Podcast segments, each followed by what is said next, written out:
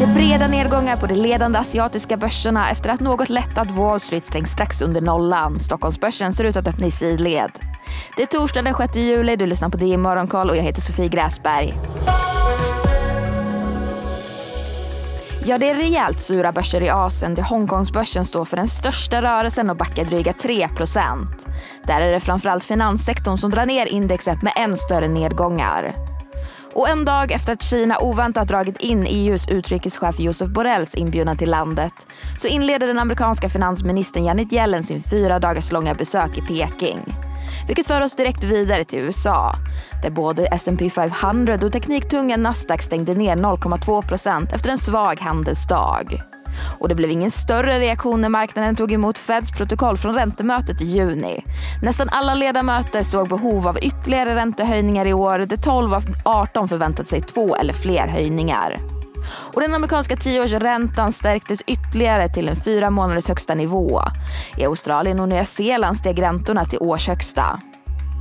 Bland enskilda bolag så steg Facebooks moderbolag Meta närmare 3% Detta inför att bolaget lanserar sin Twitter-utmanare på den amerikanska marknaden. Sämre såg det ut för kryptobörsen Coinbase som backade nästan lika mycket efter sänkt rekommendation. Och den amerikanska biltillverkaren General Motors steg på sina försäljningssiffror. Biltillverkaren fördubblade sin elbilsförsäljning i andra kvartalet. Det är efter att Tesla nyligen meddelade att de gjorde försäljning Hej, Ulf Kristersson här. På många sätt är det en mörk tid vi lever i. Men nu tar vi ett stort steg för att göra Sverige till en tryggare och säkrare plats. Sverige är nu medlem i Nato. En för alla, alla för en.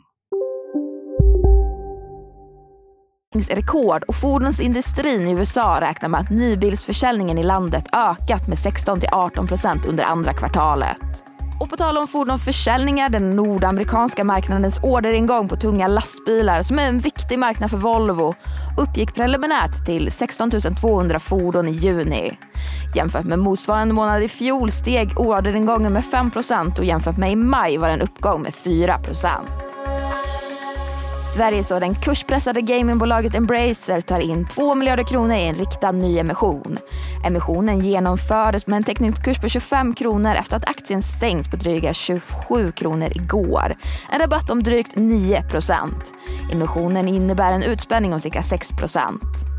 Senare idag rapporterar fastighetsbolaget Atrium Ljungberg. Enligt analytikerna förväntas de presentera både ett bättre driftöverskott och förvaltningsresultat än andra kvartalet i fjol. Och matpriserna var oförändrade i juni jämfört med tidigare månad. Det visar nya siffror från Matpriskollen. Senare idag kommer Norwegian med trafiksiffror för juni. Igår rapporterades för Davi att 11% fler flög i juni än samma månad i fjol. Från någon av Swedavias flygplatser. Och på fredag kommer SAS med sina trafiksiffror.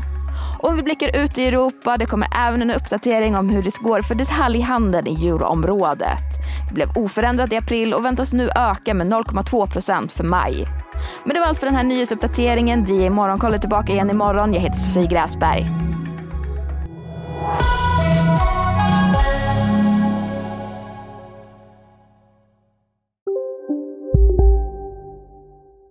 Där det finns ett samhälle, där finns det brott.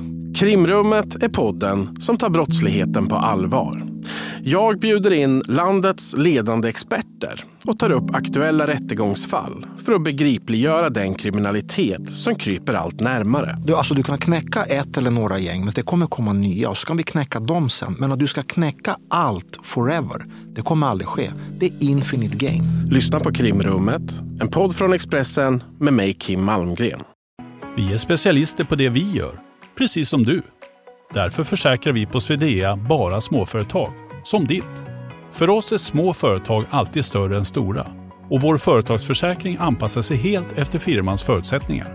Gå in på swedea.se företag och jämför själv.